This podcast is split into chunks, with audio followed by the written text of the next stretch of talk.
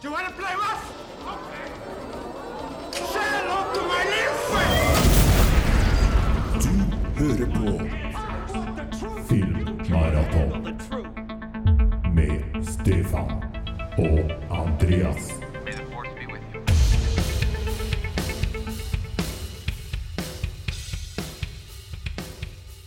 Ja, Stefan. ehm, Vi, vi er jo fortsatt i koronaen. Ja, det, vi er det. Det blir nok langvarig, det her. Ja. eh, Det kan jo, kan jo tyde på det at vi bare må psyke oss opp til at eh, våren her, våren her ryker, den. Ja, 2020 ryk. Det det har jo gått litt jeg, har jo gått, Jeg merker jo at jeg går litt ned i vekt, faktisk, i denne perioden, men du antyda at du hadde gått en liten anelse opp. Jeg har nok gått opp ja, for at uh, det er det å sitte inne og kose seg med god mat og snacks og sånn som blir greia mi. da, vet du. Så ja. her er det fullstendig forfall på gang. Og nå, nå har de jo halv pris på påskemarsipan, så det, det blir jo ikke noe likere de neste dagene. Nei, nei, det blir jo ikke det. Um, vi har en samarbeidspartner, det er Hifi Life i Mhm. Eh, skal være kjapp, for så vidt. Vi har jo, her kan jo folk gå inn og sjekke den podkasten vi har sammen eller som jeg har sammen med, med dem, som heter For Hifi Prat. Den ligger på YouTube og er sånn 15 minutters videopodkast. Der snakker vi nå i den siste episoden om eh, en Macintosh MA252-forsterker. Ja. Eh, som eh, de har på demo i, i butikken der. Så hvis noen er interessert i, i det, så kan de gå inn og se på, og se på det. Det er bra, bra saker. Ja, det er en Den kjempe, eh, kjempeforsterker. forsterkeren er eh, ja. Ja, har, det er den jeg har, det er den jeg har sjøl. ja. Eh, Så den eh, går det an å gå inn og se på hvis dere er interessert i hifi og podkast og prat. Ja.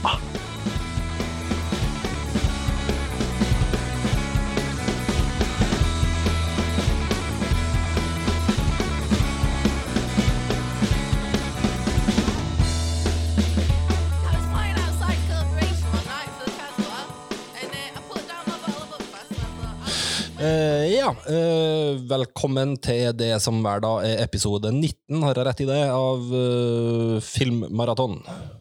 19 har vi vel kommet til, ja. Ja. Navnet mitt er Andreas Ballestad, og med som vanlig da Stefan Tollefsen, fortsatt på IP-telefon fra Sorgenfri Trondheim. Ja, hei sann. Jeg er nå, jeg Vi sitter her på en PC her og prater med deg, så det, det, det blir nå det denne runden nå. Vi må nå bare ta litt restriksjoner enn så lenge. Ja. Så får vi nå satse på at vi, vi får møtes fysisk igjen etter hvert nå. Ja. Jeg, er jo litt, jeg vet jo ikke helt hvordan du ser ut hvordan du ser ut nå. Jeg tror jo, jeg, Jeg ser ikke er, ut. er du hårete og skjeggete?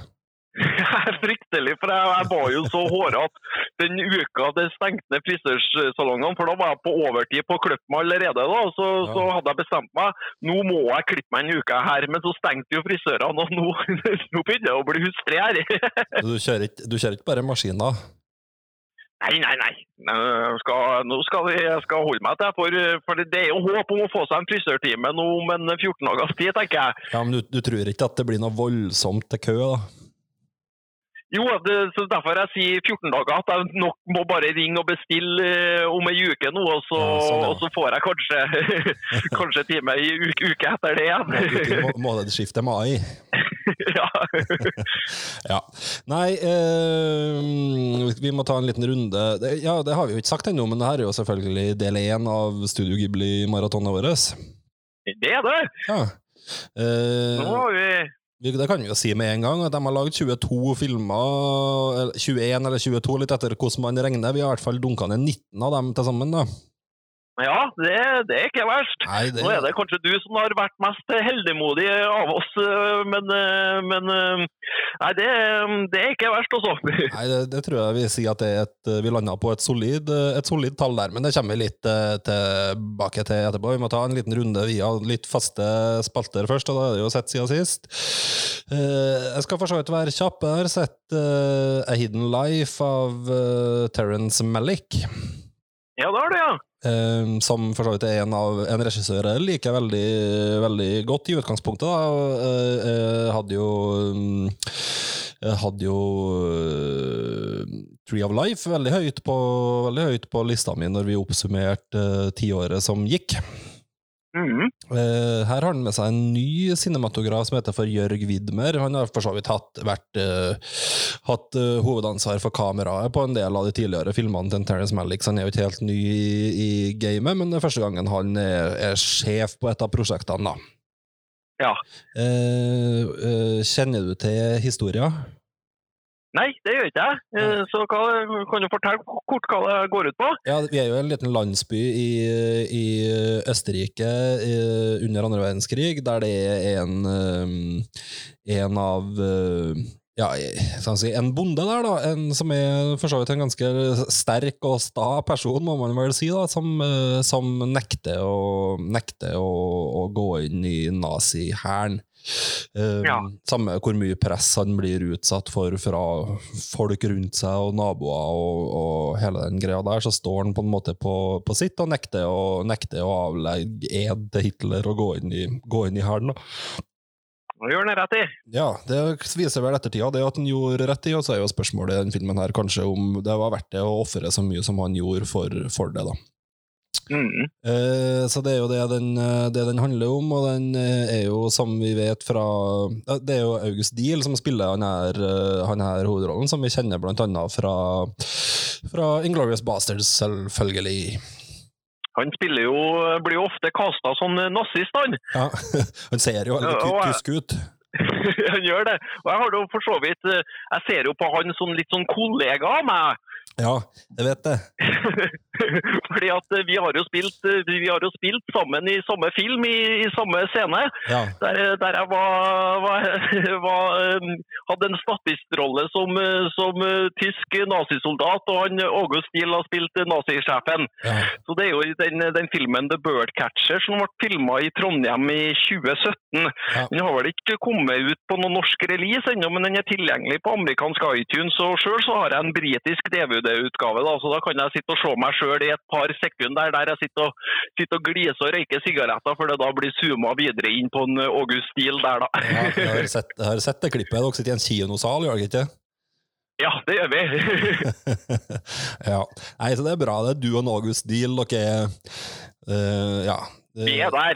Dere, dere er der, best, best friends. Hadde det vært video, så hadde dere kunnet sett at vi gjorde det der tingene med to fingre i kryss. Sånn.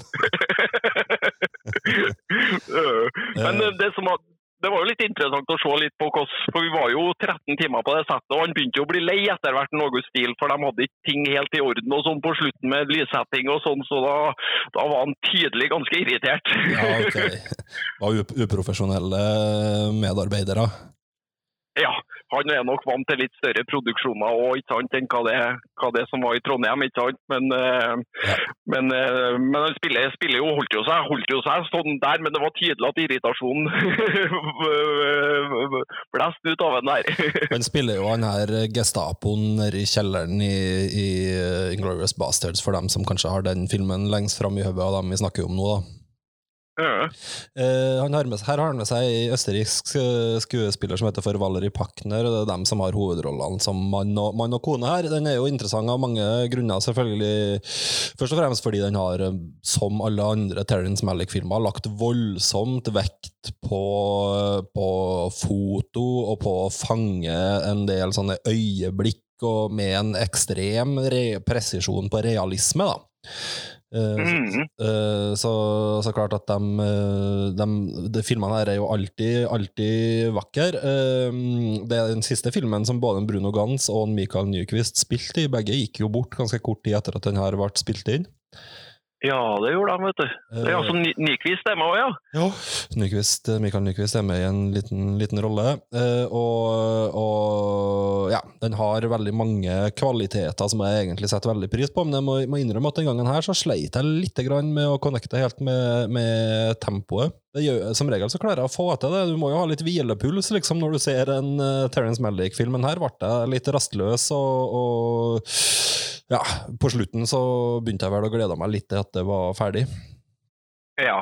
Jeg, ja, nei, det er jo eh, litt, litt typisk Malik kanskje det, men, men du har jo, har jo vært ekstra Du er jo vært veldig flink da, til å ha den tålmodigheten som trengs når du ser Malik-filmer. Jeg liker det, liker det egentlig. Jeg syns den her har veldig mange kvaliteter og mange ting som gjør at den er er god, men eh, den gangen her klarte jeg ikke helt å connecte med, med tempoet. Bare en lenge, Det er tre timer, og det føles kanskje som er litt i overkant da, med tanke på det materialet man har å, å forholde seg til. At er- den, den er kanskje litt i overkant uttrekt eh, hvis man ikke ja, ikke klarer å sette, eh, sette pris på de, de, detal, de detaljene og det, det den prøver å, å få til. Mhm. Så ja, nei, eh, vanskelig å sette noe objektivt, eh, objektivt terningkast, eh, terningkast på, den, på den, sånn sett. Den fortjener nok sikkert litt høyere, men for min del var ikke opplevelsen mye mer noe enn en, enn en solid firer, da. Ja, men det, det var en fin karakter, det. Ja, men jeg ha- eh, eh, hadde kanskje forventa altså, En Terence Malick burde, jo- burde ha skåra bedre hos meg enn en det. Ikke sant? Det skal være mellom fem og seks, egentlig. Ja, det burde vært, eh, burde vært det. Men eh, ja, Så filmen er muligens bedre, men min litt subjektive terning forblir bli en, eh, en god firer den, den gangen her. Masse kvaliteter, men, men, eh, men eh, faktisk den gangen her ikke noe sånn kjempegod filmopplevelse for min del. Mhm. Eh, du har en eh, luring på tapetet her. Det er en film vi har snakka om før. altså den her Nyinnspillinga av De dødes tjern. Ja! det, det, det, det, den eh, har jeg fått sett i påska, vet du. Ja. For det tenkte jeg var, var grei å få sett eh, litt sånn eh, påske, påskestemning. Um, så ja, jeg hadde jo en spådom der om at jeg kom til å gi henne en terningkast fire. Ja. Uh, det kan jeg nå avsløre med en gang, at det, det, det får han ikke. Det kan ikke jeg stå inne for. Den, fireren ble- jo delt ut litt prematurt, egentlig, her før jul. den ble jo det, så, men nei, den skal få seg en terningkast tre, da, men da, og da er jeg litt snill òg. Men, okay. eh, men, eh, men jeg kan få det.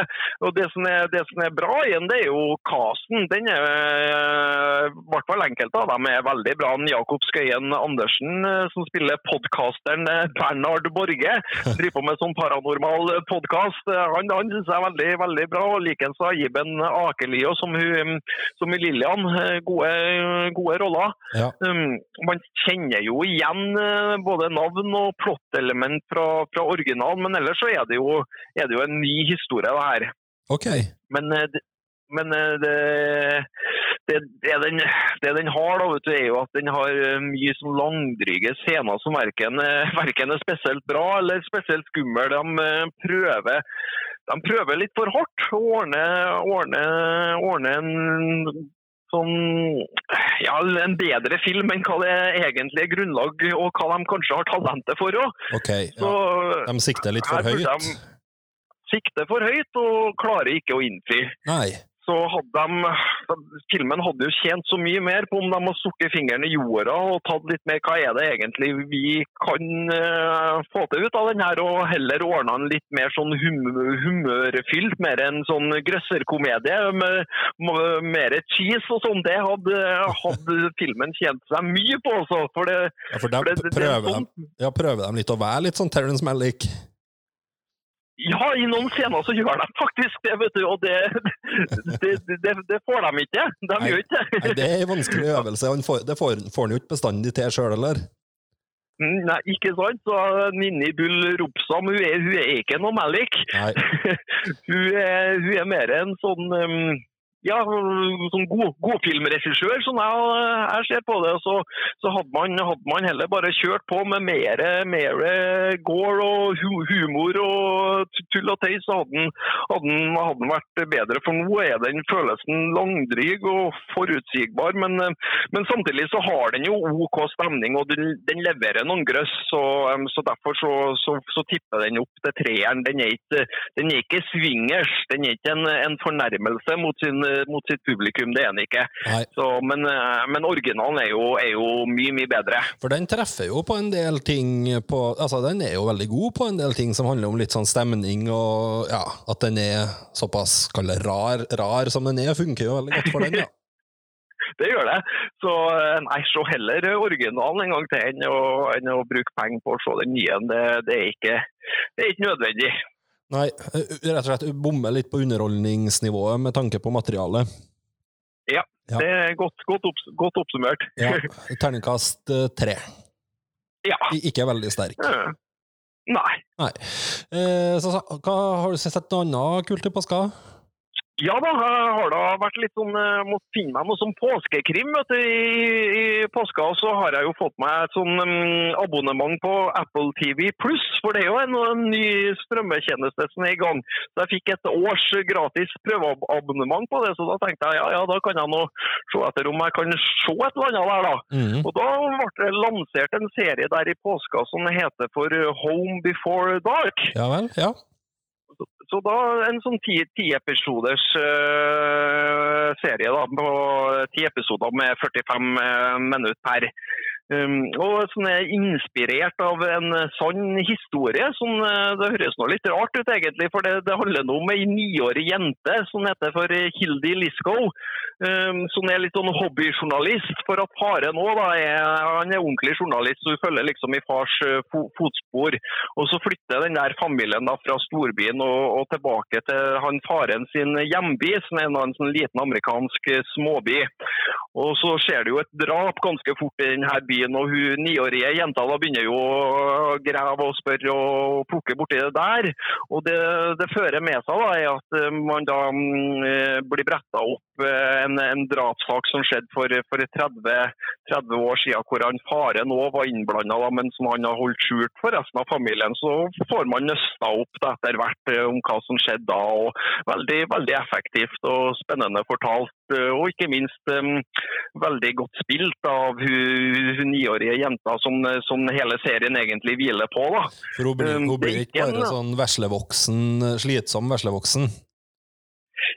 Lite grann kanskje, men, eh, men jeg syns de klarer å balansere det med såpass mye sjarm Ja. at, eh, at, at, at det blir bra. Mm. Um, konseptet kan jo høres nesten litt ut som en, eh, en barneserie. Det var noe det kanskje jeg først tenkte når jeg så den, men den har nå 18-årsgrense, selv om det syns jeg nå var veldig, veldig høyt igjen. da. Okay, ja. um, Men, men, men den er beregna på et, et, et voksent publikum. Uh, Og så er det er det noe sånn da, vet du, med, Det er vel litt typisk i TV-serier det at i stedet for å altså Man får en tilfredsstillende slutt og et uh, godt svar til slutt, men så legger de på litt mer sånn helt tydelig åpne for en sesong to, da, som føles litt sånn uh, forced. Litt altså forced, litt, ja. litt ja. Mm. Men det der er vel ganske typisk i TV-verden, er ikke det? Jo da, man har eh, man, eh, Ja, man får jo sjelden en helt 100% avslutta, avslutta narrativ, sånn sett. Så ja. Mm. Nei, men har dere, har dere muligheten til å se den her uh, Home Before Dark på uh, Apple TV pluss, så mm, alle får vel uansett en 14 dagers prøveperiode på, på den streamingtjenesten.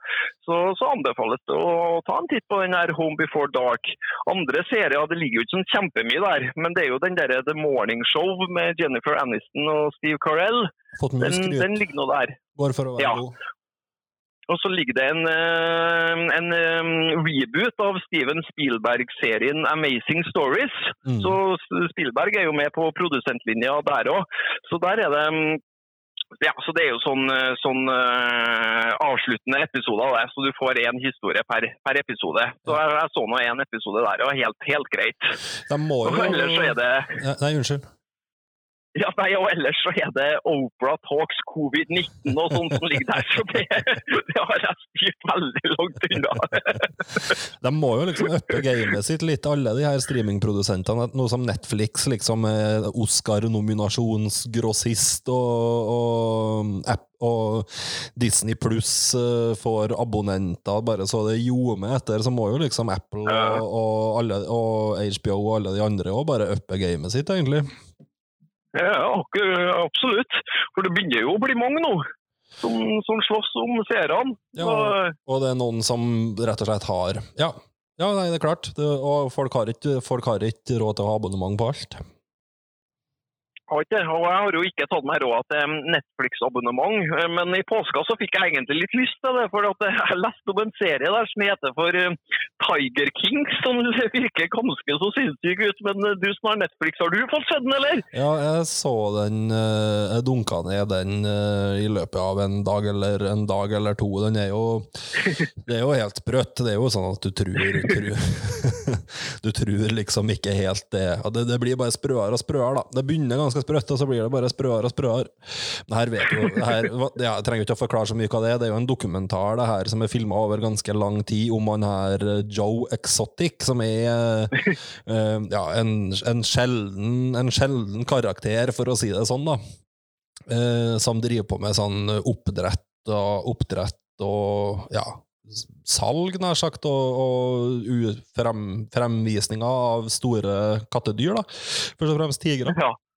Så- Og så har han mange ekte menn òg, men jeg har lest noe om. ja, han er gift en to-tre ganger med litt forskjellige menn, og noen av dem flere, flere av dem samtidig. Og han stiller jo på et tidspunkt som guvernør, guvernørkandidat for libertarianerne. Eh, Det, det, ja. det er tydeligvis tid på han her Joe Exotic. Ja, Helt, helt, vanvittig. Men uh, han er jo ikke den eneste i det der persongalleriet heller som er helt sprø. De det er jo en støttekast her òg, med noe voldsomt mye forskjellige luringer rundt omkring. da. Men han, hovedkonflikten handler jo om det mellom han og hun her Carol Baskin, som er en sånn her uh, dyrerettighetsforkjemper, men som kanskje i løpet av serien òg fremstilles litt som at hun muligens har en del litt kalde svin på skogen, eller litt ting å skjule, da. Ja, hovedkonflikten er jo mellom, mellom dem. Uh, ja, nei uh, Jeg har sett såpass mye rart i mitt liv at jeg kan ikke si at det her er det rareste jeg har sett, men sånn av dokumentarer så er det vel kanskje sånn topp ti sprøeste, sprøeste dokumentarer jeg har sett, i hvert fall. da. Men er underholdende, vil jeg tro. Veldig, veldig underholdende. Så skal man sikkert ta en del av det som blir sagt og gjort, på, for ja, det, må, det er vanskelig å si helt hva man skal ta for god fisk, men det er jo Ja. Den er jo Ja, den, det er jo reelle hendelser. Det er jo det. Jeg vet ikke hva jeg skal si om, jeg vet ikke hva jeg kan si om Tiger King. Den er, det, er som, det her har Du kan trille en terning på den, ja. Nei, det går jo ikke an. Men den har jo Den har jo ganske høyt, underholdnings, ganske høyt underholdningsnivå, og har jo ligget lenge nå som det mest sette TV-programmet på Netflix på verdensbasis.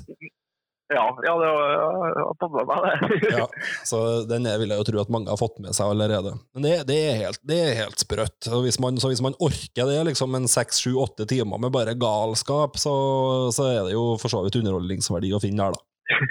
Ja. Uh, og særlig Joe Exotic er jo helt sprø. uten er jo ikke noe annet å si om det. Men kanskje ikke verdens mest sympatiske kar, da. Nei, det er han vel ikke. Han sitter vel inne nå, gjør han ikke? Jo da, man gjør det. Han sitter i fengsel nå. Så, så sånn, eh, sånn er det. Um, ja um, Her ville det jo vanligvis vært en spalte med Nytt på kino, men der er, kommer det jo ingenting på norske, norske kinoer før tidligst i starten av mai, og det er vel da kanskje et uh, ja, optimistisk estimat. Ja, det, det, det blir jo ikke det. Det, det, kommer vel ikke til å skje noe på, på denne sida av sommerferien, i hvert fall, tenker jeg. Tror ikke jeg heller, men de norske distributørene har, ikke, har opererer fortsatt offisielt med premieredatoer fra, fra, fra mai, men de forsvinner Mm. litt sånn gradvis etter hvert, tenker jeg. Eh, så Ja. der er det jo lite nytt. Færre og færre titler i backloggen for oss som følger USA-tid òg. Det kommer jo litt nye ting der. Blant annet den her Trolls World Tour kommer jo nå. Ja, Eh, man jo norsk perspektiv så er det jo fortsatt mye bra som ikke har hatt hjemmerelease her, da. det er det. Eh, Så det, det kommer jo altså jeg tenker det, det er ikke noe fare for at vi ikke får noe å se på. Um, og For min del så har jeg tenkt det kommer jo ut altfor mye enn hva det jeg har rekker å se etter. Så at det blir en liten pause nå med nye ting og sånn får tatt, tatt etter. Noe annet gammelt som skulle ha fått, fått skjedd, det har jo ikke så mye å si det heller. Nei da, det, det er for så, vidt, eh, for så vidt greit. det. Nå har vi jo uansett slått i hjel en par uker her med Ghibli, så sånn sett har det jo ikke vært, Mhm. i hvert fall for min del, vært tid til så veldig mye annet enn det, men, eh, men ja, nei, 1917 for eksempel bør jo være rett rundt hjørnet nå i, i Norge. The Gentleman, en del sånne eh, artige, artige Ja titler som ligger, som ligger på lur der om ikke i, og, og innenfor relativt kort tid.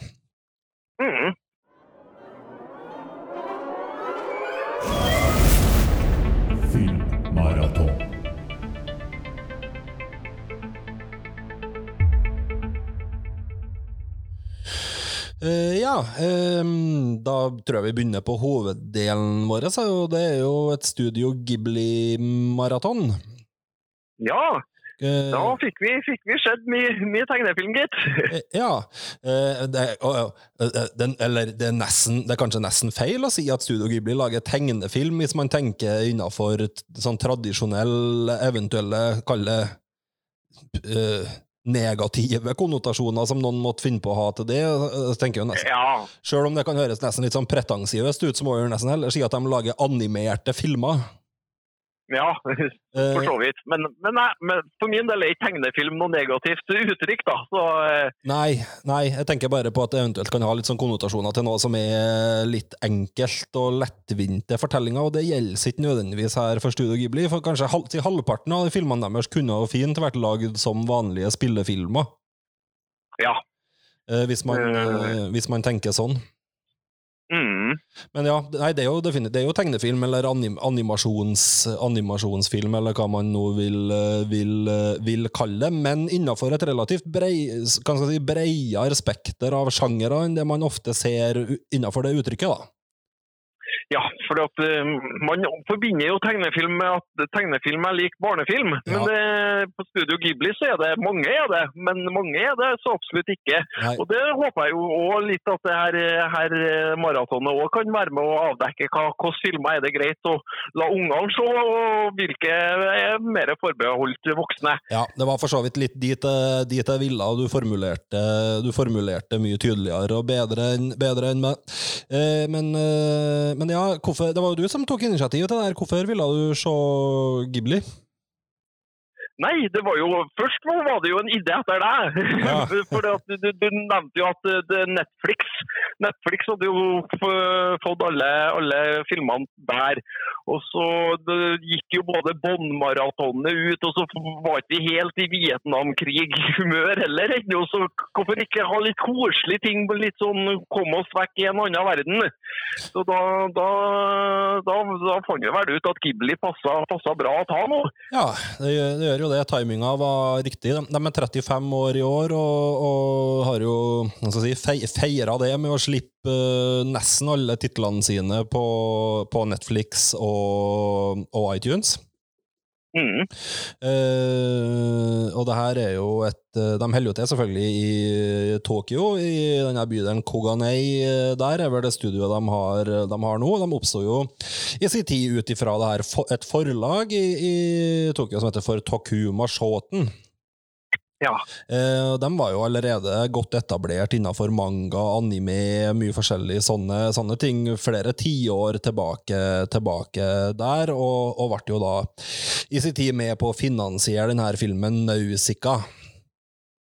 Som Ja. var basert på en, en manga som var utgitt på, utgitt da på Tokuma Shoten av den ja, kan jeg si, up and coming animatør slash regissøren Hayo Miyazaki. Mm. Eh, hva, vet vi om, hva vet vi om han? Han hadde tidligere jobba som animatør for bl.a. Toei Animation, der han lagde Gullivers reiser. Ja. Eh, og så hadde han jo han eh, andre enn som mentor, da, egentlig. I, Eh, hva du tenker, tenker på Takahata? ja, Takahata, ja. Så de møttes jo. Møttes jo møttes vel på 60-tallet, gjorde de ikke det? På det der tegne, tegnefilmstudioet. Og så, så ble han Takahata med litt som mentor til Miyazaki. Ja, de jobba jo De to, de to jobba, jo, jobba jo sammen eh, eh, Jobba jo sammen for det her 2A Animation, øh, og, og ble, eh, ble kjent der. Uh, Miyazaki slutta jo Begge to slutta jo for så vidt etter der. De hadde vel et eget lite firma sammen i en kort periode òg. Mm. Det hadde de. Eh, Så da hadde de jo eh, hadde de jo egentlig planer om å, å gi ut eh, Pippi Langstrømpe som sin første eh, helaftens animasjonsfilm. Ok, ja. Så det var på, det var, da, da er vi på starten av, av 70-tallet. da. ja. Der Miyazaki og Takahata de hadde vel et eh, studio som het Apro i liten vending. Mm. Uh, mens de ennå var, var i, hos det der originale uh, filmstudioet. da. Way, Men ja. eh, de satt og Mm, men de, satt og, de var fan av Pippi, Pippi-bøkene til Astrid Lindgren. Og, og de gikk så langt sånn at de, eh, at de reiste til Sverige og dro til Visby i Gotland, da, hvor den her TV-serien fra 1969 eh, ble filma, som vi jo kommer på fra, Mm. fra barne-TV. Mm. Og da satt de jo sånn ned, ned og ordna masse location-skisser sånn om hvordan denne Pippi Langstrømpe-filmen kom, til å- kom til å se ut. da. Og de også, fikk også et møte personlig med Astrid Lindgren der de la fram sine planer. Um, men det som var at de var jo ukjente navn da, ikke sant? Så, de, så Astrid Lindgren visste jo ikke helt hva de, hva de sto for. Og så hadde hun veldig dårlige erfaringer fra denne eh, Pippi-filmatiseringa fra 1949 Okay. hvor, hvor Pippi blir spilt av ei dame på 26 år. Så, så hun hadde så dårlige erfaringer med at hvis hun gir bort rettighetene som hun sjøl ikke er- innblanda i selve produksjonen, så, så derfor så sa han nei til en Miyazaki. Og da ble det, ble det aldri, kom det aldri noen Pippi-film fra, fra hans hånd. Men hvis man googler Pippi Longstocking og Miyazaki, så får man sett de her eh, konseptskissene. Og det ser jo, ser jo unektelig ut som noe som hadde blitt veldig bra, og helt sikkert i Astrid Lindgren sin ånd. Ja. Så, men den, den filmen fikk vi aldri. Men, eh, men Ghibli har jo vært borti, vært borti Astrid Lindgren i senere tid. Men det skal vi komme tilbake med, til i neste episode, tenker jeg. Ja, ehm, her skilte, da, så på det tidspunktet her så skiltes jo Miyazaki og Takata sine veier litt, og det satt jo litt kanskje en brems på særlig Miyazaki sin karriere, men fortsatte jo å jobbe som animatør, og fikk jo etter hvert ja, gikk jo etter hvert til det her selskapet Suyo Eiso, der han hadde regi på en serie som het For Futureboy Conan.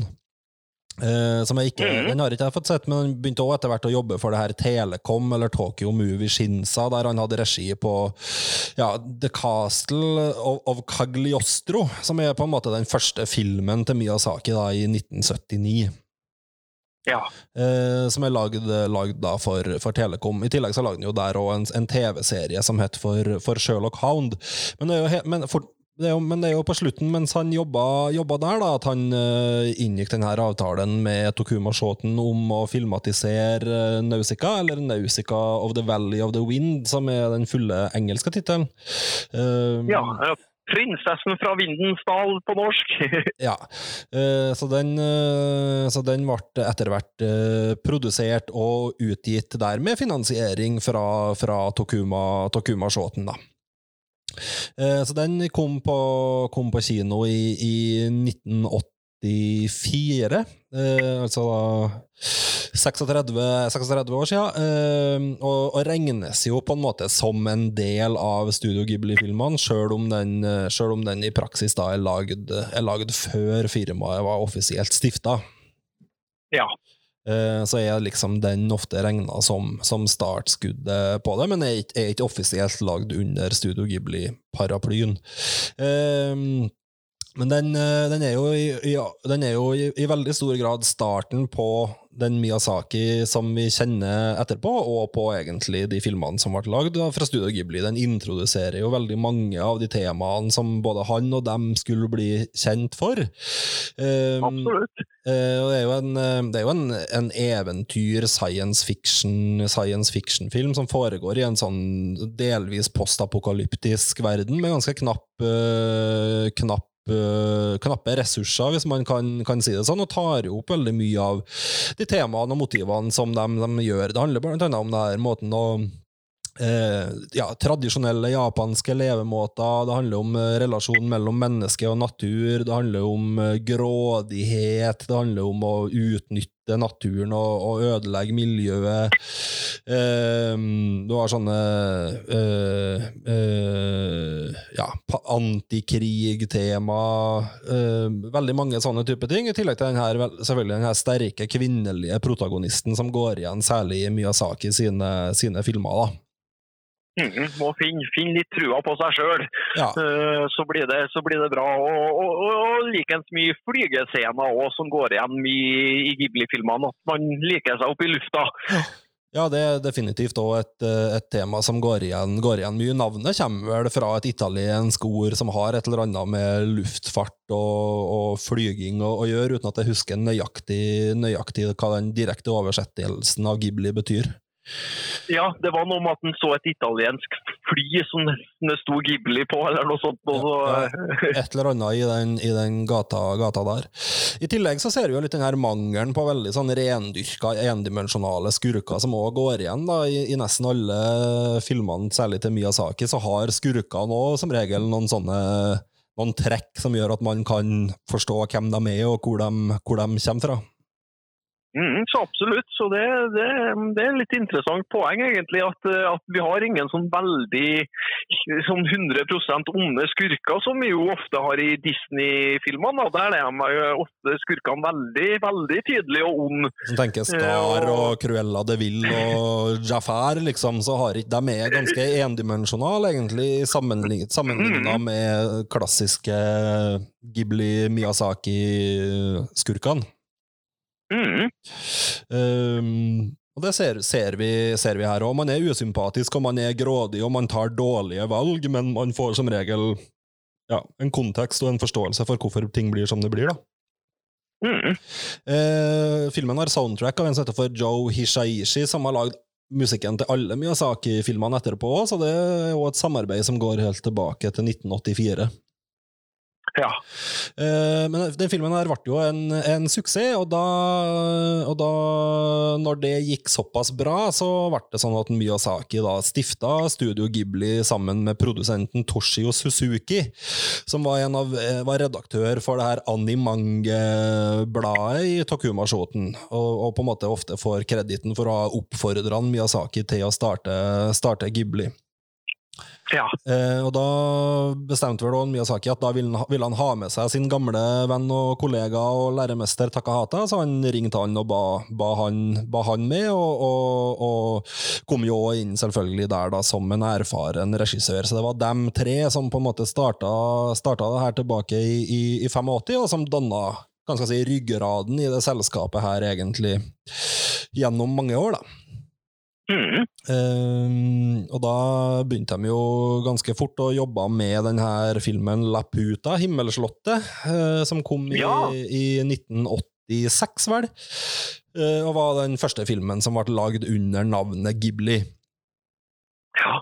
Eh, det er jo ei, ei eventyrhistorie, litt mer, kanskje litt europeisk inspirert i en del av miljøene og stilen og sånt, men, men foregår, jo, foregår jo i stor grad oppe oppe i luften, da. Er vel litt inspirert fra den Gullivers reiser, eh, for der blir det vel henvist til den der byen oppe i skyene, og så har man på en måte tatt inspirasjon av den og, og spint videre på det. Ja. I tillegg så får du jo de her, eh, de her uh, uh, luftpiratene, som er liksom et sånn her uh, motiv som går igjen en, en god del, god del. At liksom skurkene ofte er pirater med, et, med et hjerte av gull, på en måte, da. Ja. Eh, så den, eh, den er Jeg skal ikke si så veldig mye om, om den, men den er definitivt og severdig. Det er selvfølgelig Nausicaa, begge, to er, begge de her to er veldig, veldig solide og gode, gode filmer. Det gjør de, men Ghibli blir, blir sterkere etter hvert.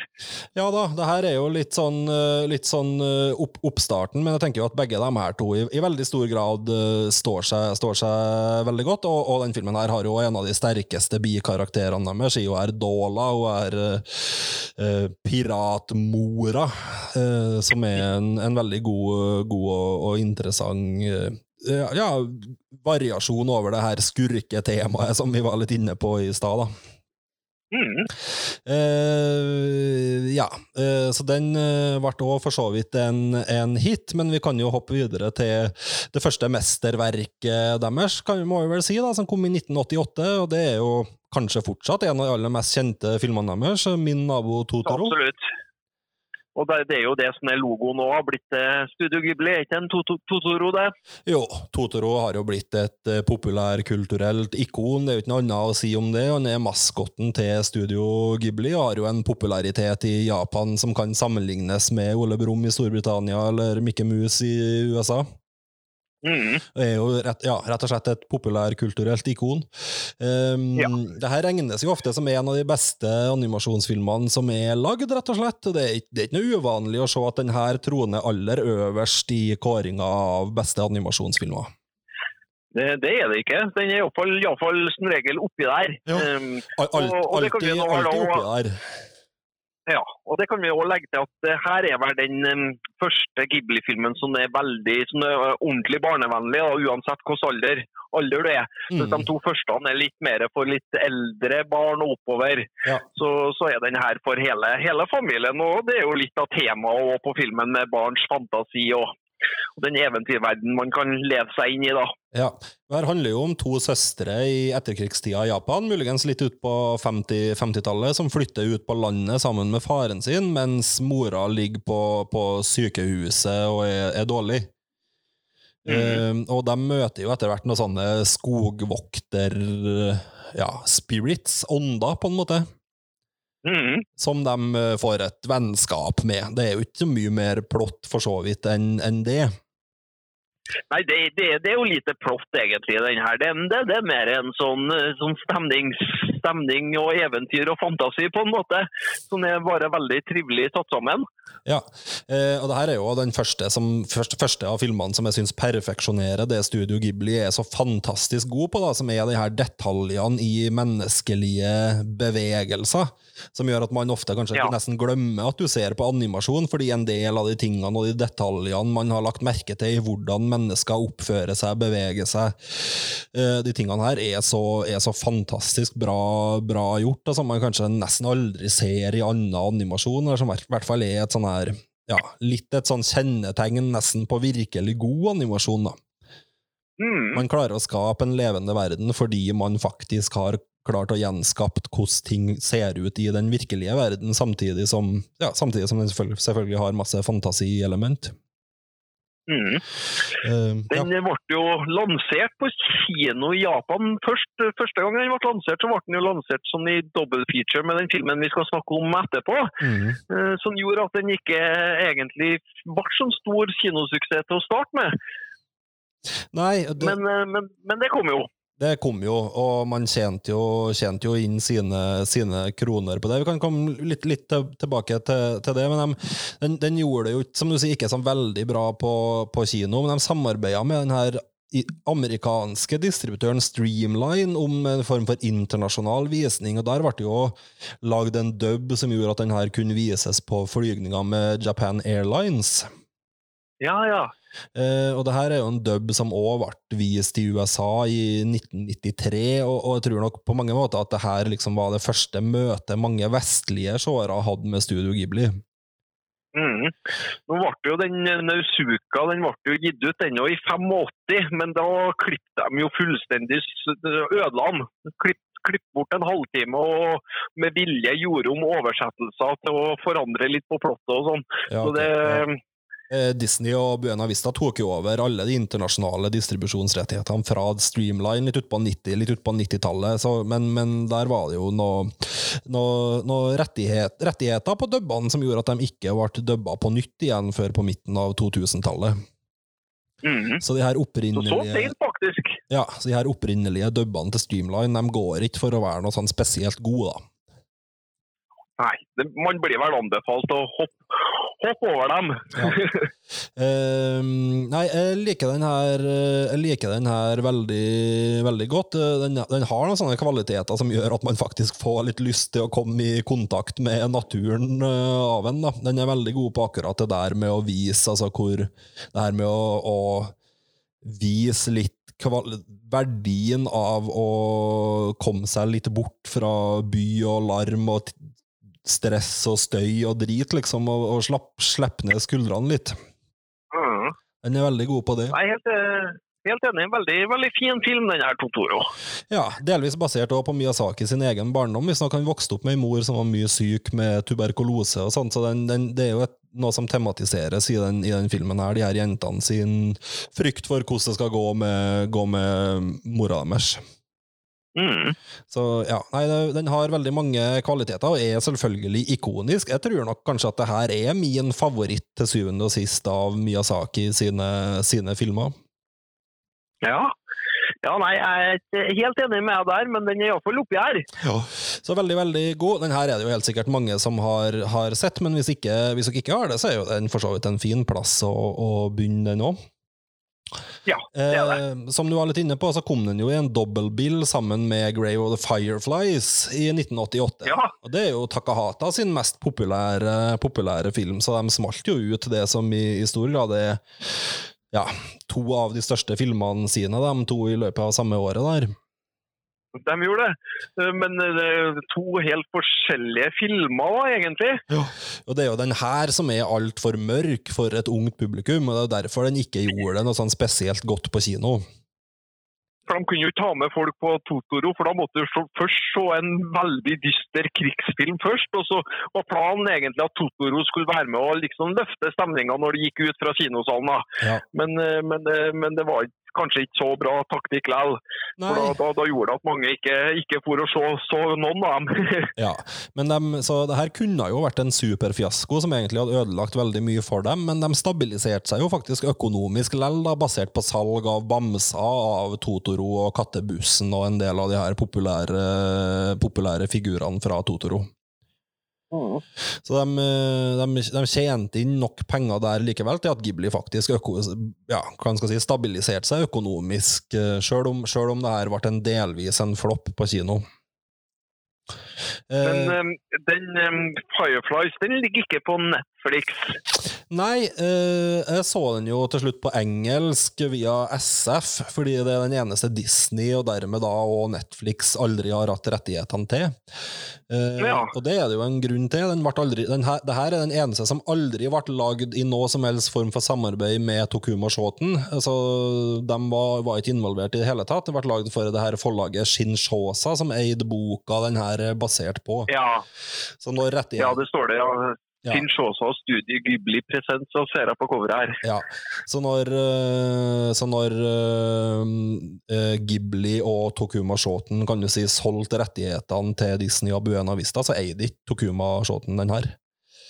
Nei. Eh, Så det vil der, dermed også si at den er distribueres frittstående og er, er tilgjengelig, men ikke på samme måte som, som alle de andre som er på Netflix nå. Da.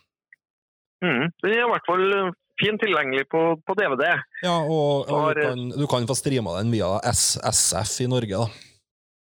Al- Altså den SF Anytime. Ja. Uh, Ja, Ja, men det er bra. Ja, og det er en relativt beskjed, det er en symbolsk sum, nær sagt, for å se den, for å se den der. Uh, det er jo en hjerteskjærende historie der. Den er jo, fæl, den er jo brutal og fæl.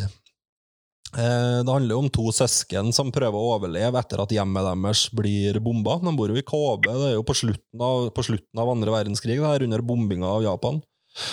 Mm. Eh, Så huset deres blir jo bomba, og mora, mora deres dør, og faren er i krigen, så de er, jo, blir jo etter hvert ganske fort for, for seg sjøl og prøver å overleve på, på egen hånd. Og vi kan vel, uten å spoile den for mye, så er det vel en kjent, kjent ting at den har en ganske tragisk slutt. Mm. Eh, den. Og er jo ofte omtalt som en av de beste antikrigs, antikrigsfilmene som er, er lagd, selv om Takahata sjøl flere ganger har benekta at den egentlig har et antikrigsbudskap, så er det jo veldig tydelig at den har det. Den har jo selvfølgelig det. ikke?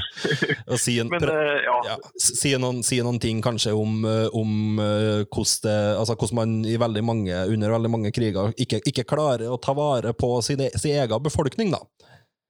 Mm. Eh, at eh, altså, fokuset, fokuset under en krig ofte havner på andre ting enn det, og at en stor del av befolkninga blir overlatt til, til seg sjøl med, med de utfallene som det kan, det kan få. Mm. Som igjen betyr at krig er ikke noe bra. Nei, det betyr det jo selvfølgelig. Eh, det har en veldig spesiell stil òg. Det brukes nesten ikke svart eh, tusj eller svart farge i den. Den eh, bruker heller en mørk brun, som gjør at den får en veldig sånn soft my mjuk feeling på, på utseendet, og så brukes liksom svart de gangene svart brukes, så er det for å få effekten av å bruke svart, på en måte. da. Ja, men her kan du se blodige lik og litt forskjellig, så den her skal, skal du ikke sette på, sette på hvis du har små barn i huset. eh, Helst ikke. Nei, den kan nok være litt i overkant tøff, eh, tøff for mange, uavhengig av alder, nær sagt. Den her. Den er ganske emosjonelt, ja. emosjonelt eh, utmattende, må man vel nesten kunne kun si. Men har selvfølgelig også mye av kvalitetene som du finner mye andre Studio Ghibli-ting, men det her er jo mer typisk en Takahata-film, ikke sant, med at den er, den er et realistisk drama, der Miyazaki sine filmer i veldig stor grad heller er, er eventyr, i skjæringspunktet eventyr, action, fantasy, ikke sant? Mm. Eh, Så der skiller de seg jo tidlig, de her to. Og, med, og Fireflies og Totoro er ganske representative for de to sine stiler, egentlig, da, på mange måter. Mm.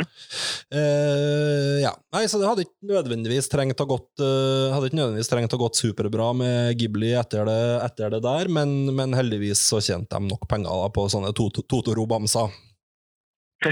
Eh, så det gikk, det gikk, gikk bra. Jeg tror de har en sånn stor Totoro-bamse til salgs for noen tusen på Outland i Trondheim. Ja. Det er ganske populære, ja, de er ganske populære, de her Totoro-bamsene og Totoro-puta og sånt. Du ser det ganske ofte at folk, folk har det. Og han er, som sagt, han er et, han er et populærkulturelt uh, ikon, og er selvfølgelig også en veldig kul karakter, da. Ja. Um, ja, som er en slags sånn Jeg vet ikke hvordan skal jeg beskrive han. Han ser nå ut som en sånn vaske, en sånn rund, en sånn rund, tjukk vaskebjørn, på en måte. Jeg vet ikke helt hva han er.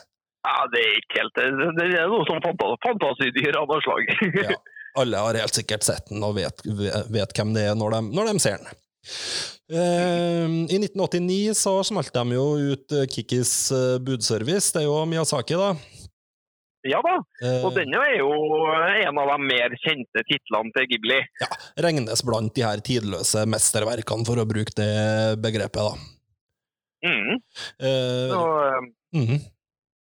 Ja, så her, her er det jo, følger vi jo hun Kikki, som er ei, ei ung heks. da, som, som Når hun fyller 13 år, så, så må hun følge tradisjonen og forlate hjemmet sitt og, leve selvstendig som heks i en, i en ny by. Og Det, det gjør hun jo. Den, den byen eh, som blir fremstilt i Kikkis budservice, den er jo eh, igjen basert litt på det her eh, Sverige-besøket som, eh, som Miyazaki hadde på 70-tallet. Ja. For da er det jo Stockholm som egentlig er, er litt basisen for den, den byen som da Kikki kommer til. da. Ja, det ser du jo på alt av skilt og sånt, så er det sånne, sånne nesten skandinaviske navn, i hvert fall, på alt mulig. Ja. Og I tillegg så er det jo sånn, Stockholm er jo med masse bruer og hav og, Ja. og sånn rundt seg, så, så det, det, det var litt, art, litt artig. mm Eh, Den er selvfølgelig òg veldig, veldig god, eh, og, og tar jo opp eh, litt Altså, eh, hva skal jeg si, alle Miyazaki-filmer nå tar jo opp eh, et litt mer avansert eh, følelsesregister enn en del andre animasjonsfilmer gjør. Ja. Eh, så den Og det, og det, Nei, unnskyld. Det fine med, med Kikki synes jeg det er jo at, eh, at, at hun møter jo egentlig aldri noen sånn ekstreme utfordringer. Det er liksom sånn, litt sånn dagligdagse. Den, den er ganske sånn lavmælt, da, det, sånn tross alt. At den, den tør å stole på at den, den må ikke gå, gå, gå, gå, gå til sånn, sånn ekstreme utfordringer, for, foruten kanskje sluttscenen. da. Ja, og, Eh, Så det, Mm. Ja. Og den, men den tar jo opp altså, Den har jo veldig mye indre konflikt. Den tar jo opp Kiki. Kiki eh, får jo problemer med stress og sliter jo litt med motivasjonen Ja. sin. Hun sliter med ensomhet, kanskje noe som begynner å tendere mot litt depresjon eller melankoli, faktisk. Ja, så det Eh, er mer sånne konflikter, ja. Ja, og, de, og dermed tenker jeg jo at den her, altså den her litt store actionscenen med happy ending som er på, er på slutten, er litt unødvendig. Jeg syns ikke at narrativen i Kiki egentlig leder fram mot det i det hele tatt. Den føles veldig som en sånn, en sånn eh, left turn i forhold til det filmen egentlig gjør i de første en og en halv timen. Ja, helt, helt enig. Den, den er litt rar, egentlig. Slutt, altså, den, jeg liker jo den jo, men det er bare sånn, sånn typisk Disney- Disney-filmslutt. da. Ja. Når, når resten av filmen på en måte ikke har, har leda opp til det i, i, i det hele tatt. Um, noe annet også som, også som går igjen litt i, i de her um, eh, Ghibli-filmene, det er jo at, uh, at det er magiske element. Men det er på en måte, ja, det er heks i byen, men det er på en måte, det er greit nok. De er litt nysgjerrig på, men ikke noe sånn ja, så Magi er på en måte en del av, av, av hverdagen, men, men, men sånn ikke helt, helt naturlig heller. Så det er litt sånn, sånn interessant, interessante vink, vinklinger synes jeg Ghibli har da, på, på det der. Ja, men så, så kanskje det var litt et sånn klassisk japansk ting, egentlig, som du kan finne igjen i mange Ja. sånne manga, anime-inspirerte Både serier, filmer og spill, egentlig. Så innafor den der diskursen der, så er det ofte, ofte sånn at element av magi ikke på en måte er noe Det, det er litt dagligdags. Mhm. Litt annerledes og litt rart, men fortsatt Men men ja, som du sier, ikke noe som skaper noe sånn stor oppstandelse. Her også er jo en, eh, en tegnefilm som, eh, som passer for uh, små som store barn og voksne. En fin, fin familiefilm. Ja. Det finnes jo òg dubba på norsk. Det er ikke den beste, beste filmen som er dubba på norsk av Ghibli-filmene. Det, det tror jeg skyldes at det nok var en av de første Ghibli-filmene som ble dubba til norsk. det her. Så, så den er ikke helt, helt ferdig, på en måte. Men, men, men det funker nå greit. Eh, Det, som er litt artig, er jo at han eh, hun har jo med seg ei sånn svart katte, hun, hun Kikki, Ja. gjennom filmen. Eh, Og i den Disney-dubben, da vet du hvem som har stemmen der? Uh, nei. Det er, det er jo den godeste Phil Hartman, vet du. Oh, Ja, han må ikke nei, han må, nei, nei, nei. Han må ikke begynne å si noe mer om du nå. Der har du dumma deg ut allerede. Ja, nei, det, men det er han som for og skjøt folk, var ikke det? Nei, nei, nei, nei, nei. nei. Nei, det var omvendt, omvendt var det, ja. Nå må ikke du Her har du beklaget, her har du bedt om unnskyldning for, men jeg hører jo hvor ektefølt den unnskyldninga var. Nei da, eh, vi skal eh, Det er jo mer at vi, at, vi, at vi nevner en Phil Hartman. Det er ikke så mange andre som gjør det. Altså, det Nei, det sant, ja. men han skal visst ta, ta Han skal visstnok ta, ta en litt sin egen take da, på, den, på den rollen i forhold til hvordan den originale dubben er. Ja. At den er ja, litt drøyere, eller litt mer sånn uh, ja. Ja, litt drøyere, ja. Ja. Eh, nei, men eh, ja, det her er jo selvfølgelig også en av de filmene som mange har, eh, mange har sett, og et av kalle, ja, mesterverkene, de ikoniske filmene til, til Ghibli. Så hvis dere ikke har sett den, så er jo den jo en, en must-see på mange måter, da. Det er vel den eneste Ghibli-filmen som har fått seg en live action-remake òg, ikke det, tror jeg? Uh, nei, det tror jeg ikke. Uh, Grave of the Fireflies er jo lagd live action en par ganger, tror jeg. Oh, ja. Eh, Ja, den er, ja. mm, ja da, men det fins en live action-remake av Kiki, ja. Ja, den kom i 20, 2014. eh, Fikk, noe sånn, eh, fikk ikke sånn kjempegode kritikker, for, for det ble vel, den ble vel sammenligna opp imot, eh, mot originalen og hvor magisk den er. Um, Det irriterte meg litt at jeg ikke kjøpte den når jeg hadde muligheten i sin tid, kommer jeg på. For den hadde jeg egentlig kunnet tenke meg å se nå, hvordan, den hadde vært i forhold til, til originalen. Men, men den finnes nå, den er gitt ut av Another World Entertainment, den, den remaken. Ja. Det er jo en japansk, japansk film, da. Ja, og her er en som du sier som passer for alle. Eh, Det gjør muligens ikke Only Yesterday eller Dagen i går fra 1991, men det tror jeg kanskje, hvis jeg skal dra fram det jeg mener er den aller beste Studio Ghibli-filmen, så, så kan det godt hende at det lander her. Eh, Ja. Det er jo Takahata, da, basert på en manga fra 1982. Og det her er jo overhodet ikke noe fantastisk i det hele tatt. Det her er jo et voksent, realistisk drama. Eh, Med ei rammefortelling da, om ei eh, ugift eh, dame på ja, slutten av 20-årene, som på en måte da, tenker tilbake til oppveksten sin som tiåring på 60-tallet.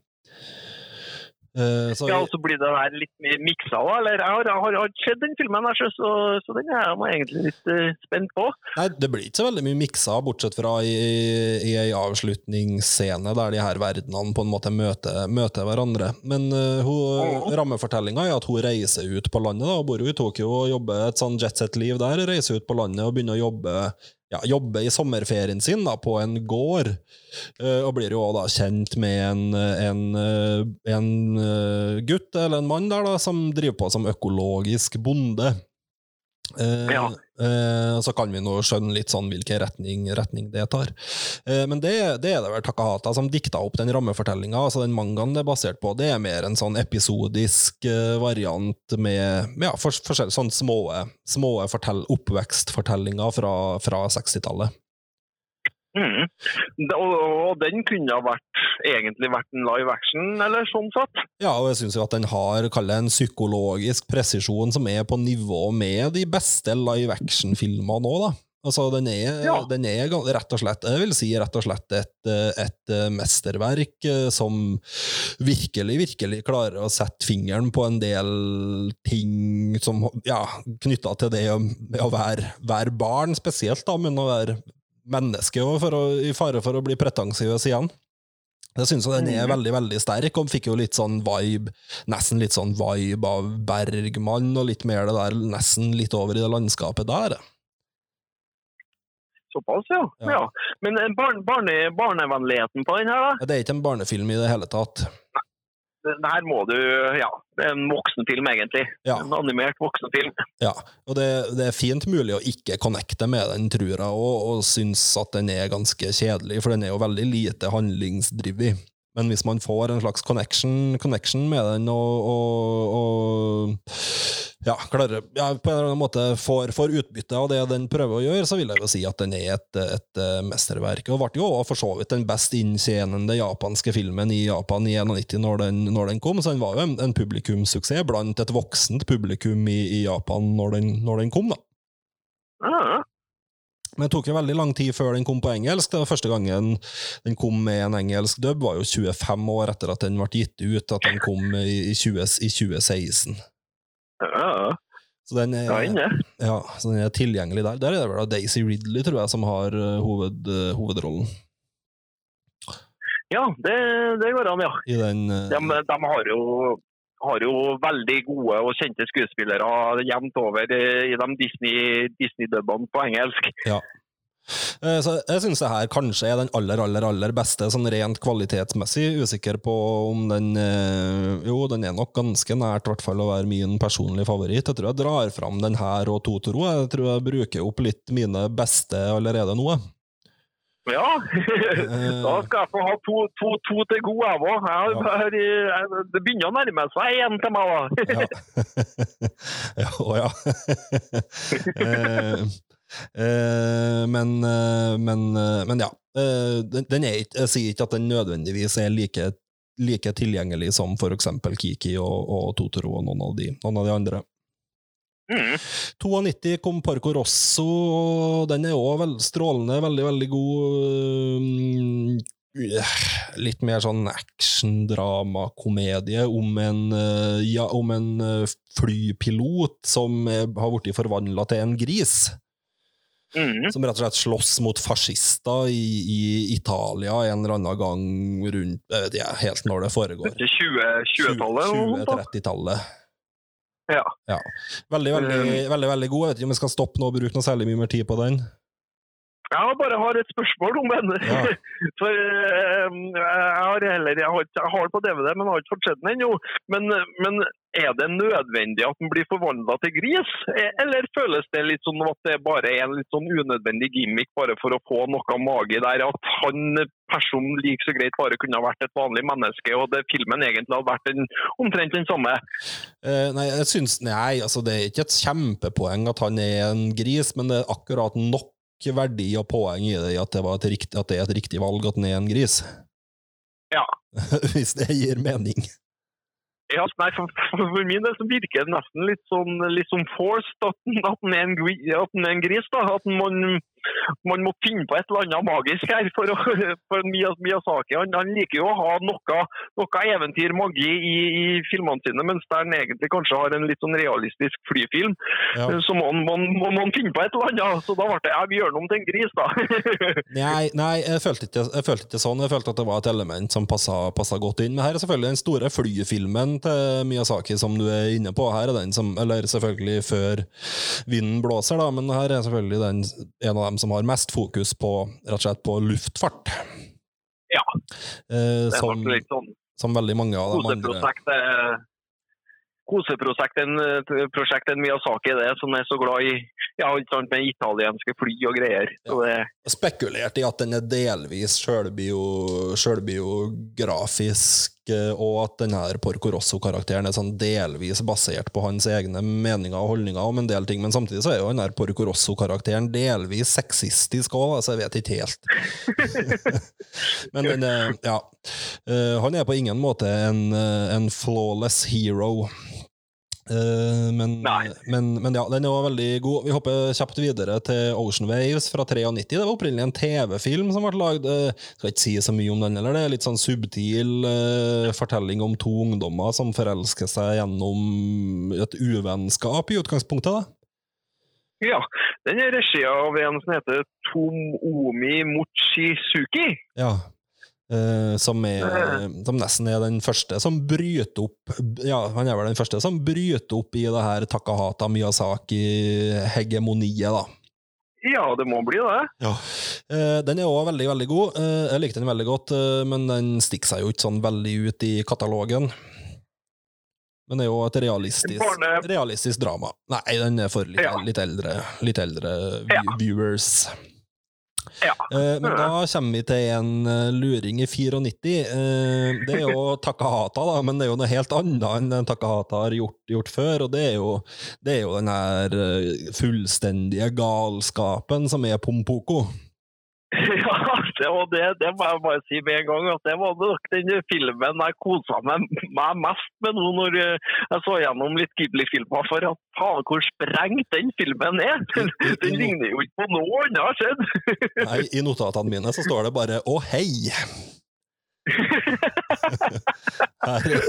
Så hvis du skal prøve å, å si litt om konseptet, så handler det nå om en, en gjeng med mårhunder. ja, Ja, det det- det- det- ja, som holdt til ute i naturen her da, på, en, på en høyde. Sånn, sånn som da, da, de ser jo at menneskene kommer og bygger ut og tar mer og mer av deres naturlige, naturlige reservat. der da.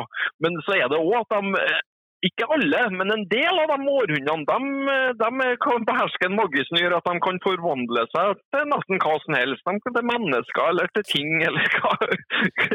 Og så legger de en femårsplan for å få stoppa denne utbygginga. Så det synes jeg er så bra. at De, de skal ikke bare stoppe de legger en femårsplan for hvordan de skal få stoppa det her.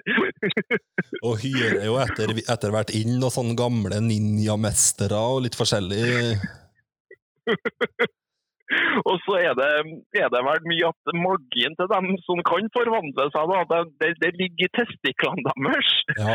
Så det er jo noen scener med noen ekstreme store punger og sånn for å få, når de driver på å forvandle seg. Og de kan jo forvandle seg til, til mennesker, men også mennesker uten ansikt og sånn. Så det var jo ei scene jeg holdt på å flirte meg i hjel på, der de bestemmer seg for å kødde litt med en politimann. Ja. Så de driver på, driver på å følge etter ham som sånn ansiktsløse mennesker. Og så når han kommer, på, kommer tilbake på politistasjonen helt forferda og forteller hva som har skjedd, så er det bare en sånn ansiktsløs politimann som sitter der og holder på å flire meg i hjel. Den er jo veldig, den den er veldig morsom. Ja, altså, det skal jo nevnes at de her testiklene deres blir jo brukt som fallskjermer og i det hele tatt. Altså, det, Ja, et, et, det, det kamikaze-angrep der, ja. det er et voldsomt testikkelfokus i Pompoko. Det er det. Det er faktisk et, et av nøkkelelementene i denne filmen. Handler om testiklene til de her raccoonene, eller eh, må, eh, mårhunder, du sier de heter på norsk. Øh, Nei, det er veldig Den, den er så sprengt. Men, men igjen, vi har jo temaet det her med naturen. ikke sant? Bevar, bevar naturen og litt sånn magiske elementer og sånn. Og den er lang og er ikke over en par timer, den her, tror jeg. Jo, og den er, den er veldig morsom og er veldig minneverdig og har masse fantastiske enkeltscener. Den har ikke noe tydelig sjanger, og den har ikke noe tydelig eh, retning eller noe tydelig Det er ikke, det er ikke protagonister som skal prøve å få, få til noe. Den er, den er som en slags sånn dagbok, eller nesten, nesten fortært som en sånn serie med nesten sånn avisartikler eller dagboknotater om hvordan den her femårsplanen og krigen utvikler seg. da. Ja, ja, ja. Og så må de roe ned litt femårsplan nå, for at de kan ikke øh, for Hvis ikke så blir menneskets hevnlyst for stort og sånn. Og da blander de inn en del litt sånn stygge grafiske bilder der du har overkjørte mårhunder der blodet ligger og sånn, som kanskje ødelegger litt barnevennligheten i den igjen òg. For den har en del litt sånn brutale bilder sånn innimellom som Ja, nei, den er all over the place, den her, altså. Bytte, bytte litt mellom ulike animasjonsstiler, og, og i, i det hele tatt. Den gjør fryktelig mye rare ting. Mhm. Men, Men, eh, øh, men men er, er- selvfølgelig, selvfølgelig definitivt, show, definitivt sjåverdig. Og så er det jo, hvis du vil ha en, litt, en, en helt annerledes filmopplevelse, på en måte, se en uh, animasjonsfilm som er veldig forskjellig fra, fra Walt Disney eh, ruller rullet på med, f.eks. Altså, så, så er Pompoko en klar anbefaling der også. Ja, men ikke forvent at den har nå særlig mye til felles med så veldig mye annet av verken det Takahata har lagd, eller det Studio Ghibli for øvrig har lagd, utover at den tar opp en del av de samme temaene. Ja. Men ellers, så- ellers er er den en av dem som skiller seg klart mest ut fra resten.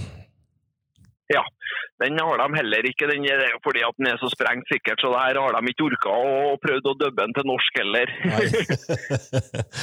Nei. Men den finnes kanskje den finnes en engelsk dubb. Mm. Det, det vil jeg tro. Ja. Eh, vi skal begynne å runde av del én, Stefan, men vi skal ta med én til. Da er vi 95, og det er Whisper of the Heart. Ja, Eh, den hadde, var jo òg eh, en som heter for Yoshifumi Kondo, som hadde regi på. Eh, Ja. og han var, jo, han var jo sjefsanimatør på mange av klassikerne før det, og var jo på en måte venta å ta over etter Miyazaki og Takahati, og var slags, en slags sånn arvtaker til, til dem to. Ja. Og lagde jo, lagde jo den her, men det ble eh, dessverre den eneste han lagde. Han døde i 1998 av en eh, blodpropp eller en sånn aneurysm på, på hjertet. Og man fant vel også ut at det, at det var mulig at det var forårsaka av overarbeiding og stress over, over lang tid. Eh, så så Kondo Jeg har ikke sett den, men jeg ser jo på coveret her at han eh, ene katta fra Katteprinsen er jo nødvendigvis med i den her. Ja, eh, det her er jo for så vidt ei, eh, ei realistisk fortelling. Da. Det handler om ei sånn litt, litt naiv eller drømmende jente, hun er vel 13-14 år, Shizuku, eh, som drømmer om å bli forfatter. da. Uh, hun forelsker seg jo etter hvert i en, uh, i en skolekamerat, en litt sånn arrogant uh, fele, felemaker. eh, som har også en bestefar som bor sammen med sin bestefar og har en butikk da med masse artige antikviteter og snu- snurrepiperier. Eh, og, og det handler jo veldig mye om relasjonen mellom, mellom dem to, og, og hva gjør dem når han da etter hvert bestemmer seg for å dra til Europa for å, for å gå i lære som fele, felemaker. Mm. Eh, og bruker jo veldig hvis man, har, hvis man er usikker på om man har sett den her eller, eller ikke, så kan man, hvis man husker den her Take Me Home Country Roads fra, fra, den, fra den her, så er jo den liksom hovedtemaet på lydsporet som går igjen veldig mange ganger i løpet av filmen, og har liksom et den, da? ja, den har et sånn narrativt, narrativt poeng òg, på en måte. Men den brukes som okay. et gjennomgående, gjennomgående tema. Og en del av greia er at hun, Shizuku på en måte oversetter den til, til japansk, og det er et, et ja, ganske stort narrativt poeng i, i filmen. da. Ehm, den, har nok, den har noen av de beste enkeltscenene, synes jeg, i hele katalogen. Kanskje særlig den her bandscenen, da, når han her bestefaren og kompisene hans blir med de her to og, og spiller, spiller musikk, som er litt sånn throwaway-scene på mange måter, men som er, fanger veldig mye av det som er veldig bra med Studio Ghibli. Mm. Uh, og den er generelt veldig, veldig god på de her små hverdagsøyeblikkene og den her, ja. Så den her, og, Ocean- den her og Ocean Waves er vel kanskje dem som har mest til felles med, med Only Yesterday eller Dagen i går, som jeg syns er den, den beste. Som er de her små hverdags, hverdagsdramaene med relativt uh, ja, hverdagslige utfordringer, hvis man kan si det sånn. da. Ja, ikke sant? De er gode på det. Mm. Men, men barnevennligheten på den her, da? er heller ikke sånn spesielt uh, in interessant, tror jeg, for de aller yngste. Nei. Men den er ikke farlig å sette på på en måte. Det er ikke noe sånn grafiske bilder sånn sett. For den, ut fra bildene her ser, nå, så ser den jo litt sånn eventyraktig ut, egentlig. Ja, og du var jo litt inne på det at muta, både muta og baron da, fra Katteprinsen dukker jo opp her òg, men, men her er de jo ikke eh, i live på ordentlig. Her er de jo på en måte mer en sånn, et sånn fantasifigment, og så er det en slags sånn spin-off av Ja. det her, egentlig, eh, som blir til Katteprinsen, der de, er, Ja. der de faktisk er levende. Ja. Mm. Eller her er jo muta i faktisk katt, og baron er en faktisk statue, da. Men i Katteprinsen så Mhm. kan jo den statuen bli levende. Uh, og det kan den jo i Shizuku sin uh, fantasi i den her, ikke sant? Men ikke, ikke innafor Ja. realismen i, i filmen. Jeg skjønner. Så Eh, Det er, en, det er en annen film. Ja, det er det. Men det er de samme karakterene, eller en slags sånn, et slags sånn nikk til de karakterene. Og de dukker jo opp i flere, og en Muta og den her Kråka fra Katteprinsen de dukker vel opp i noen flere filmer, og gjør de ikke? Jeg tror det her er litt sånne, det er litt sånn gjennomgående karakterer, det her. Ja. Eh, særlig en Muta er jo en så kul karakter, da. Den her sure, sure, sure, sure, tjukke katta fra Tjukke Katteprinsen. ja. Men bare sur, sur, sinnssykt sur. Veldig fin. Eh, ja. Nei, så det her Det er jo naturlig å ta en liten pause her, fordi eh, Kondo sitt dødsfall førte jo til at Miyazaki faktisk pensjonerte seg. Ja. Uh, og så gikk han jo tilbake på det, men det førte jo også selvfølgelig til at både han og Takahata roa ned tempoet på arbeidene sine drastisk, da, der de hadde egentlig overarbeida både seg sjøl og alle rundt for å holde tempoet, tempoet oppe, så ble jo det her en veldig veldig viktig og seriøs wake-up call for dem i forhold til at sånn går det ikke an å holde på, faktisk. Og det har, har vi jo sett etterpå, at, eh, at eh, ja, tempoet og, og, og tidsrommet mellom produksjonene deres gikk veldig drastisk ned etter, etter det her. Da. Men det måtte en ganske alvorlig hendelse til før, før de innså, innså det sjøl. Det, det tenker jeg er en naturlig plass å begynne, begynne eh, del to av maratonet. Det er det. Da har vi jo flere, er jo flere av de stortitlene igjen til Ghibli på del to òg. Så eh, De, det kommer, de, virke- ja, de virkelig kommersielle høydepunktene, internasjonale gjennombruddet, det skjer jo ikke egentlig før, før i, i neste, neste runde. Det var veldig veldig mye sterke, sterke titler her i, i første del, altså 80- og 90-tallet. Fantastisk mye sterke, sterke titler. Mm. Men de aller største og aller mest kjente og aller mest populære, dem får vi faktisk ikke før neste gang. Ja. Eh, tja, vi må prøve å runde av, men vi kan ta med en kultfilm.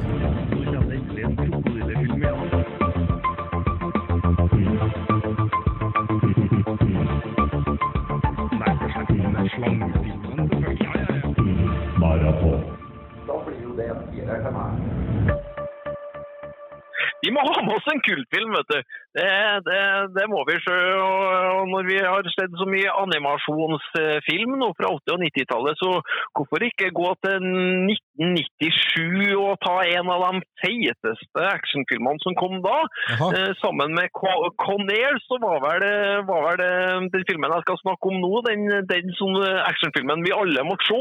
Ja. Begge var med Nicolas Cage, og da snakker jeg jo selvfølgelig om filmen Face Off. Eh, Regi John Nei. Ja. Det er bare snakk. Eh, det er, regien, regi er jo ved John, John Woo, eh, som da eh, hadde ordna et par Hollywood-filmer til da. Han starta jo Hollywood-karrieren sin med mm, Hard Target med Van Damme, og fulgte opp da med Broken Arrow, som da var med John Travolta og Kristen Slater, men har jo før det en, selvfølgelig en fantastisk eh, karriere i Hongkong med, med, med, med actionklassikere som, som står som ei påle, som Hard Boiled og Better Tomorrow og The Killer. Mm. Eh, Hva er ditt forhold til John Woo? Eh, nei, jeg husker den jo veldig godt fra denne perioden. her. Jeg har ikke sett så veldig mye av de asiatiske tingene hans, men selvfølgelig den Hollywood-karrieren hans på 90-tallet var jo umulig å unngå. Ja. Og er jo en, en fyr som har veldig mange kan skal si, kjennetegn på grensen til klisjeer knytta, til karrieren sin. da. Veldig tydelig signatur som action- actionregissør. Ja. det er vel ikke så mange andre actionregissører som har så sånn helt tydelige eh, signaturer som det han har. Der, eh, de er jo, ja, Det virker kanskje nesten litt påtatt når man ser det i, i dagens øye, men, eh, men i 1997 da, så var det der veldig friskt, eh, friskt pust. og Vi var jo, vi var jo 13 år vi da, Andreas, når den, når den kom ut. Og det er jo klart at det, det, det her var en skikkelig skikkelig kul film å få med seg. Vi har jo en, Um, en stor plass i hjertet vårt for high concept 90-tallets action, vi. Selv om det Ja. med noe som helst form for rasjonelle briller er det m- sprøeste som er lagd liksom, av så, så store Hollywood-produksjoner. Og det skulle spørre deg om i stad, ikke- var ikke den her egentlig litt i grenseland for populær til å være kultfilm i utgangspunktet? Jo, i utgangspunktet så tenkte jeg at for det her var jo en film som vi alle så i 1997. Ja. Eh, men, men så Nei, vet du, den herren her, når du ser den, ser, den over, over 20 år senere, så er den så sprø. Den er så sprengt, den her filmen her. Og det er så mye overspilling og det er så mye rart i den egentlig at jeg følte at den her kan være med på, på, på kult, kulttida, den. Ja, jeg jeg er egentlig, jeg er egentlig enig, fordi den er, den er fullstendig sprøytegal. Ja, den er det. Det konseptet som vi da svært svelget ganske kjapt og greit, da, det, er jo, det er jo helt vanvittig. Ja. Det er jo det. Så kan jo for dem som ikke kommer på filmen sånn i farten, så kan man jo kan bare fortelle sånn kjapt om at Nicholas Nicolas Cage han spiller storskurken Castor Troy. Ja. Og han, han Nicholas Cage han begynner å overspille fra første scene. I Det- can eat a peach for altså- hours. Ja, og der stiller seg bak et sånn eh, kirkekor og synger halleluja mens Ja, det står og ja, på rumpene rumpa ja, deres. og sånt, så det er- Han starter med en gang. Good times, det her, altså. Og så har du, en, har du en John Travolta da, som spiller FBI-agenten Sean Archer, som da jakter på han der Castor Troy, da, som også drepte sønnen hans eh, seks år tidligere. Ja. Eh, Noe annet som nå jeg satt og spekulerte på, for de har en sånn, den familien til John Travolta, når de skal hilse på hverandre og si at de er glad i hverandre, så har de en sånn spesiell måte å gjøre det på, og det er at de drar alle fingrene gjennom fjeset. Jeg vet ikke om du kommer på det? Det der bevegelsene de har der de drar fingrene fra panna og nedover, Ja, nedover fjeset. da. Ja, ja, ja, riktig. Så det, og Særlig i disse korona, koronatider så virker det jo veldig, veldig rart. så De får jo fanga han der Castor Troy, da, vet du, men så finner de ut at han har ei bombe plassert en plass. og Da må de finne ut hvor den bomba er plassert. er og Den beste måten å finne ut hvor den bomba er plassert på, det er jo selvfølgelig å skjære av fjeset til Nicolas Cage, og så skjære av fjeset til John Travolta, for å så bytte de fjesene. Det er den beste måten å finne ut hvordan den, den bomba der er plassert på. Ja. Og da plasserer karakteren til John Travolta, men nå selvfølgelig spilt av, av eh, av uh, Nicolas Cage, som kanskje overspiller enda mer enn han gjorde i de første scenene. Og plasserer han da i et høysikkerhetsfengsel. Veldig smart det der, vet du. Eh, For å da få, få info om hvor den bomba er av, eh, fra, fra han Caster Troy sin, sin broder. Ja. Hvem er det som spiller han? Men selvfølgelig Ja, hvem som spiller han igjen, ja? Han blir jo Eh, er sånn- fengsla i åpningsscenen, blir han ikke det? Ja, han blir det. Øh, og vet jo hvor, um, hvor, uh, hvor han, uh, han befinner seg. Det er, han uh, heter for Alessandro Nivola, okay, ja. han som spiller Pollux, Pollux Troy. ja. Det husker jeg at det er noe greier på det her flyet i starten. Ja. Og all det her teknologien, da, det blir jo egentlig bare sånn litt sånn kjapt forklart at you have no idea what we can do with the technology today. Og så, ja, ja, greit. Ja, det er jo sånn Johnny Nemonic-nivå på tilnærminga til, til teknologien. Så, eh, men selvfølgelig så våkner jo en Caster Troy opp fra koma, da. Og eh, får jo da tvinga til seg å få sydd på fjeset til en John Travolta. Og da begynner jo en John Travolta å overspille òg! Skal han begynne å spille? er, det, nå, er det, For han er ganske så nedtona, egentlig, sånn i starten av filmen når han er FBI-agent. Men når han tar over rollen til Nicolas Cage, så må jo han bare følge i Nicolas Cage sine fotspor. og og gå, gå, eh, gå fullstendig bananas. Nicolas Cage han burde jo egentlig holdt seg litt mer rolig når han tar over rollen til John Travolta, men det gjør han ikke. han bare kjører på som med enda mer Nicolas Cage. Og det, og det eneste som, som kan skille dem nå i praksis, det er jo at, um, at, det, at en Sean Archer har blodtype, blodtype 0, mens en Castor Troy har blodtype AB pluss. Og det syns jeg var litt artig, for det er samme blodtypen jeg har. Ja. Og ifølge IMDb da, så er det ikke tilfeldig at han har den eh, blodtypen, for det er en blodtype som ikke kan gi blod til andre, men bare ta imot blod. Ja, sånn, ja. Så det- Egoist, derfor var det en- egoistblod. Yes! så det er jo en Castor Troy som sitter med det. Ja. Ja. Mens, mens Så- Sean Archer og flere andre de har null og kan gi til alle da, og gi til hele, til hele samfunnet. Ja, det, det, det er sub, subtilt og smart. ja. Nei, Men eh, det var, det var, vi var ganske dumme på 90-tallet. ja, vi var egentlig det, men Det var, Men vi- det, var, det var ei fin tid òg, det var ei artig tid. Ja, absolutt. Jeg skjønner, jeg eh, skjønner jo at folk går litt sånn i nostalgibobla og drømmer seg tilbake til 90-tallet. Det var et relativt behagelig tiår. Det var det. Og når jeg så igjen den her du, hvor jeg kosa meg sjøl om det var mye, mye sånn, så, sånne ting som jeg la merke til, som jeg kjøpte veldig glatt sånn, som 13-14-åring på 90-tallet, så, så kosa jeg meg, kosa meg godt med den her også. Eh, Det er jo veldig mye klassisk John Woo-element i den her. Det er store skytescener med bruk av slow-mo og pistol i begge hendene. Sluttscenen den foregår i ei kirke, akkurat som i The Killer, og du har noen hvite duer som fer og flakser rundt innimellom der. eh, Brenn, brennende døra. Brennende døra. Ja, alt det der er med. Det er jo den store, virkelig store, som du sier, er jo dua i slow motion. Ja, det er jo det. Og, og ja, også twin, twin gun. Ja, twin gun, ja. Og gå forbi, gå forbi ei brennende dør. Ja. og, en, og en liten mexican standoff til slutt der, så, så er, vi, er vi i mål. Og alt det her følger jo, følger jo Facebook. Han, Så- han pika jo kanskje i Mission Impossible 2, men FaceOff er ikke så langt unna. Ja. Eh, nei, det, det, jeg er enig med at de to face-off på Mission Impossible 2, for det gikk jo nedover igjen med Hollywood-karrieren hans etter, etter, etter uh, Mission Impossible. Mm.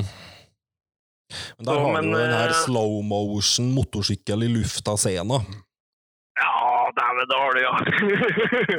og du har Tom Cruise med hvite duer i bakgrunnen her òg. ja, Og brennende dør. ja. Ja, nei da. Så. Nei, men det, det, jeg gjør, det er å anbefale ganske sterkt et gjensyn på Face- FaceOff. altså, for at den, den, den selv om jeg ser den med andre øyne i dag enn hva jeg gjorde da, så er den fremdeles veldig underholdende. og Den er en stor produksjon, øh, og det er, det er veldig mye mye, mye artig i denne her. Får vi, får en vi en kultterning seks her? Vi får en kullterning. Fem. Ja, nei, Fem. den får ikke seks. Den skal jeg, sekseren skal jeg faktisk spare til neste episode, så det, da okay. kommer det en kullterningsseks, faktisk. Men, men, men en, steik, en sterk femmer ja, på FaceOff, det, det blir det. Ja.